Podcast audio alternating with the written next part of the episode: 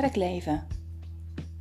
Jij, ik, God, Jezus. Samen? Hoe dan?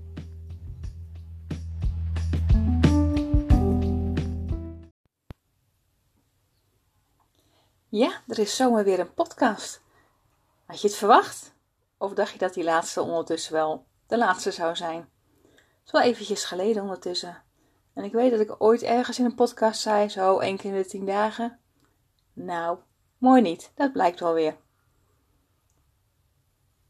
Ja, een nieuwe podcast. Waarom zo lang wachten? Ja, omdat ik gewoon simpelweg niks had om te melden. Of misschien had ik wel wat te melden, maar vond ik het niet belangrijk genoeg. En vind ik het nu dan wel belangrijk genoeg wat ik te melden heb? Dat weet ik niet. Het was wel iets wat me, wat me aansprak en wat eigenlijk helemaal paste bij uh, de tijd die er nu tussen heeft gezeten. Want verwachting, wat verwacht jij? Wat verwacht ik? Um, hoe belangrijk zijn verwachtingen? En ik moet heel erg zeggen, ik las uh, het laatste stukje uit, uh, uit het Evangelie van Marcus. Um, over de apostelen die terugkwamen nadat ze bij de uitgezonderde Jezus en uh, van alles mee hadden gemaakt. Marcus 6, vers 30 begin ik. De apostelen kwamen weer terug bij Jezus en vertelden hem over alles wat ze gedaan hadden en wat ze de mensen onderwezen hadden. Hij zei tegen hen: Ga nu mee naar een eenzame plaats om alleen te zijn en een tijdje uit te rusten. Want het was een voortdurend komen en gaan van mensen, zodat ze zelfs niet de kans kregen om te eten.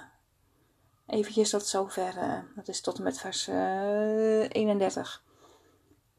Um, je hebt iets meegemaakt en je wilt erover praten en vertellen. En, uh, maar het is zo druk, er is geen rust. Er is zelfs geen tijd om te eten. En zeker in die tijd was het inderdaad, als je samen at, dat was vriendschap, dat was echt delen, dat was tijd nemen voor elkaar, dat was luisteren naar elkaar, dat was um, niet even snel hapslik weg. Uh, we hebben precies een kwartiertje pauze of een half uurtje pauze om uh, ons broodje achter de kiezen te stoppen en uh, we gaan weer verder. Nee, dit was gewoon echt tijd hebben voor elkaar. En Jezus had geen tijd voor zijn discipelen. Hij had geen tijd voor ze om te luisteren. Dus hij stelt voor: ga mee naar een eenzame plaats. Waar we even samen kunnen zijn. Waar ik kan luisteren, waar we kunnen rusten. Waar jullie bij kunnen komen. Uh, waar jullie alles weer in goede perspectief kunnen gaan zien. Dat heeft hij niet zo letterlijk gezegd, maar dat zou me niet verbazen. Dat hij dat wel dacht. Hoe vaak ken jij dat? Dat je iets meemaakt, dat je wil vertellen, dat je thuis komt en. En dat blijkt een bezoek te zijn. Oh shoot. Nou, ja. Nou ja, dan maar even voor je houden. Dan maar wachten tot er wel een gelegenheid is. En als ik dan verder lees, ze voeren met de boot naar een afgelegen plaats om daar alleen te kunnen zijn. Maar hun vertrek werd opgemerkt en velen hoorden ervan. En uit alle steden haasten de mensen zich over land naar de plaats en kwamen er nog veel eerder aan. Sorry, veel staat er niet. Kwamen er nog eerder aan dan Jezus en de apostelen. Toen hij uit de boot stapte, zag hij een grote menigte en voelde medelijden met hen omdat ze leken op schapen zonder herder. En hij onderwees hen langdurig. Ja, potje aan drie dubbeltjes, zullen de discipelen gedacht hebben. Heeft hij nog geen tijd voor ons? We roeien helemaal het meer over, in de hoop rust te vinden, bij te komen, onze voeten even omhoog te kunnen leggen, bij wijze van spreken. En alle rust is met hem dingen door te kunnen praten. Alles wat we meegemaakt hebben, wat we gezien hebben. Ik zie de teleurstelling op hun gezichten. De verwachting was dat hij ze meenam naar een rustige plek. Maar de tijd was voor hem, voor hen. En dat was niet zo. Had Jezus dat niet kunnen bedenken? Oh, vast wel. Ik geloof alleen oprecht dat zijn intentie was om de rust te zoeken met zijn discipelen. om de rust te zoeken. Ehm, de rust die hij heel vaak zoekt. En waar hij heel vaak niet, uh, die hij heel vaak ook niet vindt. Uh, omdat er constant mensen om hem heen zijn. Mensen naar hem op zoek zijn. En hij laat zich elke keer weer vinden. Ook hier. Als de mensen allemaal naar hem toe komen en reizen en Jezus voelt medelijden.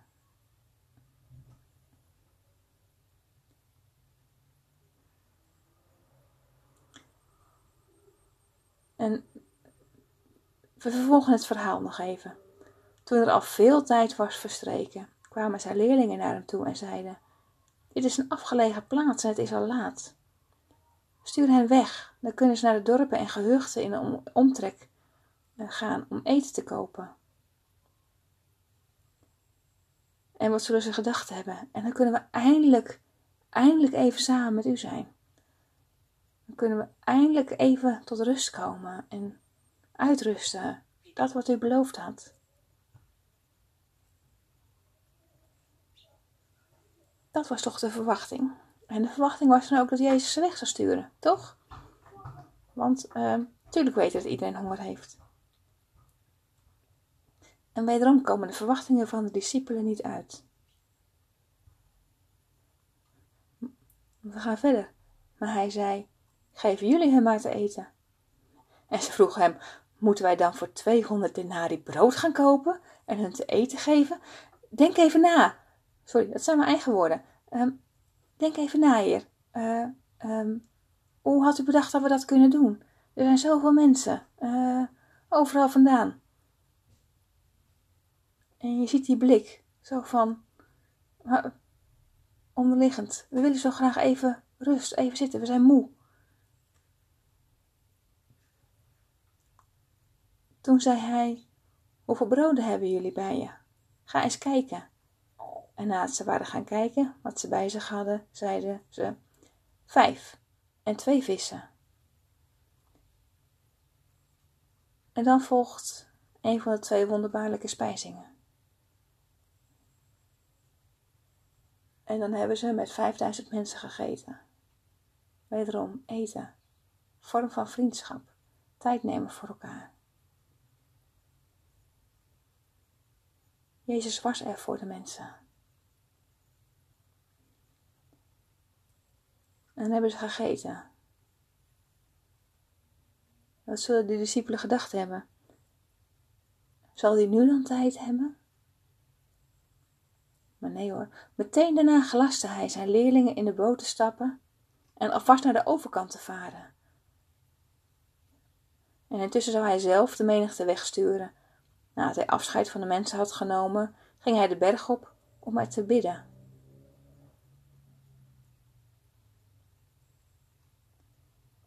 Hij stuurt zijn leerlingen weg. En vervolgens krijgen we het verhaal dat hij ziet dat, dat Jezus ziet dat de, de, de discipelen heel veel moeite hebben om het meer over te roeien. En dan loopt hij over het water heen. En ze raken in paniek. Hij stelt ze gerust. Hij stapt bij ze in de boot. De wind gaat liggen. En alles uh, komt goed. Maar in het hele verhaal geen moment van rust. Geen moment dat de discipelen hun verhaal kwijt kunnen bij Jezus. Het is een rollercoaster waar ze in zitten.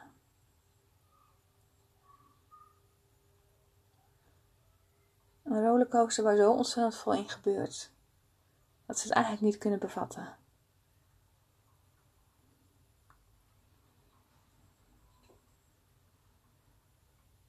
Ja, soms gaan dingen wat anders dan je verwacht.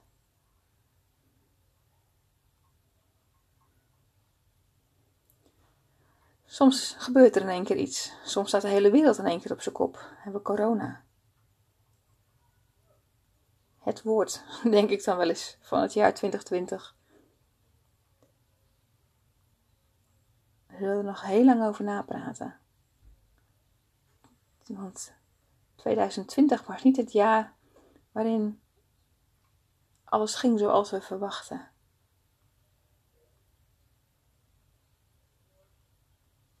Wie van jullie had bedacht aan het begin van het jaar dat zijn vakantie niet door zou gaan?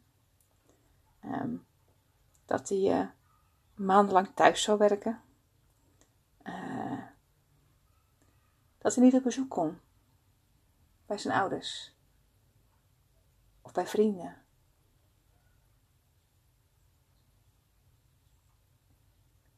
Wie had verwacht dat we met uh, mondmaskers in de bus zouden gaan zitten? Of zelfs de bus helemaal links zouden laten liggen? En uh, op de fiets zouden gaan in plaats van met openbaar vervoer? Zoveel dingen die we niet hadden verwacht begin van dit jaar. En dan heb ik het alleen maar over corona. Dan heb ik het er niet eens over al die andere dingen die zo ook op ons pad komen. denk maar aan een ziekte. Het kan een griepje zijn, het kan corona zijn. Maar wat als je een ernstigere ziekte hebt? Als je in één keer te horen krijgt dat je kanker hebt. Uh, wat als een van je naasten plotseling overlijdt? Werk in één keer stopt. En je van de een op de andere dag eigenlijk thuis komt te zitten. En dat zijn grote dingen. Grote dingen die enorm impact hebben op je leven. En ik denk dat dat net zo, zulke grote dingen zijn als die de discipelen meemaakten. Het zijn grote dingen die ze meemaakten.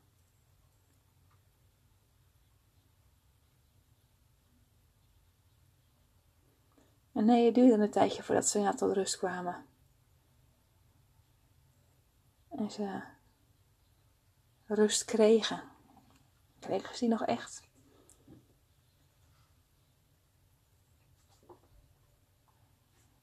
Ik denk dat ze wel eens verzuchten. Waren we maar gewoon vissers weer. Konden gewoon rustig in onze boot zitten. Voor degene die vissers waren natuurlijk. Matthäus, onze tollenaar, die zal dat niet zo hard verzucht hebben.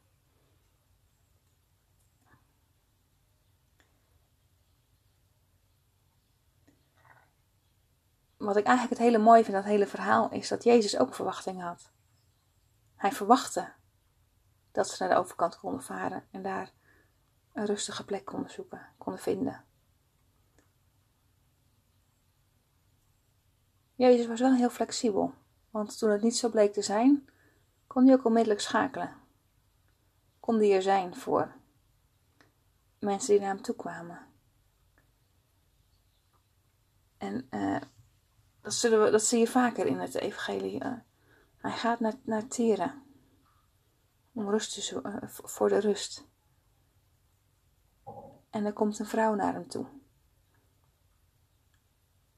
Omdat het dochtertje enige wat ze heeft ernstig ziek is.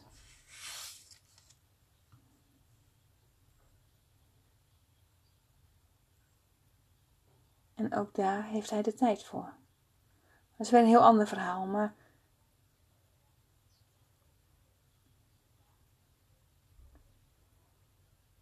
Jezus die neemt elke keer weer de tijd.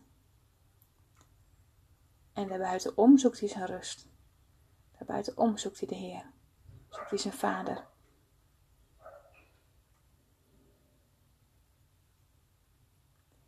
Ja, verwachting is een raar iets. Hebben allemaal onze verwachtingen. En zelden komen ze uit. Maar als we geen verwachtingen zouden hebben, zouden we dingen dan wel doen. Als Jezus niet verwacht had dat aan de overkant van het meer het rustig zou zijn en hij tijd zou hebben met zijn discipelen, zou hij dan wel in de boot zijn gestapt met ze?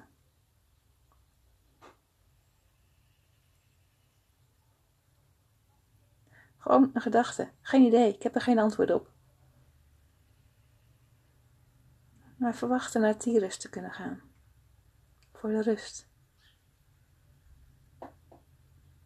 En toch lukte het hem niet om onopgemerkt te blijven.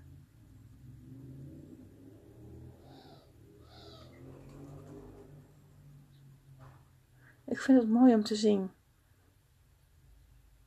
dat Jezus verwachtingen heeft, maar er nooit mee zit als de verwachtingen niet uitkomen. Altijd weer schakelt. Daar kan ik wat van leren. Niet op een manier dat ik nu ten alle tijden maar uh, moet schakelen en ten alle tijden uh, mee moet gaan met alles wat gebeurt. Maar wel als ik moe ben en er staat iemand op de stoep. Nu iets minder. De telefoon gaat over. Misschien iets meer praktisch nu. Uh, dat ik mag schakelen. En niet mag zeggen en, en, en niet zeg van. ik ben nou te moe hoor, nu geen zin. En ik laat hem overgaan ik neem niet op. En ik geef niet thuis.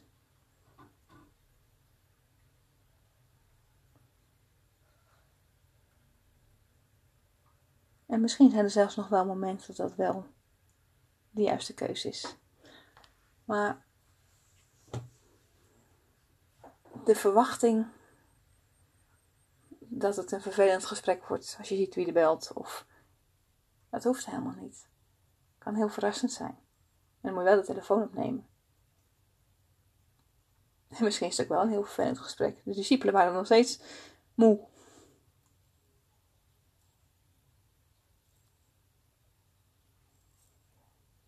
En toch, ja, verwachtingen zijn goed.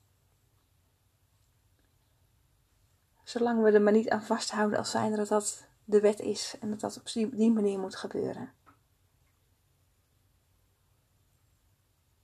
Want door onze verwachting heen gaan we dingen doen. Want ergens verwachtte ik wel dat ik nog wel weer een nieuwe podcast zou opnemen. En ik kan het heel lang van me afschuiven en kan het heel lang doorschuiven. Maar op een gegeven moment gaat het toch knagen. een gegeven moment moet er toch weer een podcast komen. Wie weet hoe lang het gaat duren voor de volgende komt.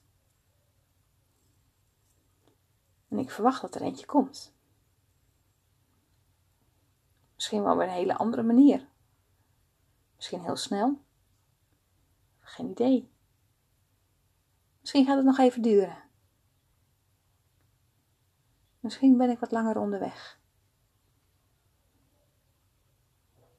En misschien ook niet. Wie zal het zeggen? Maar verwacht. Verwacht de Heer. Hij is er.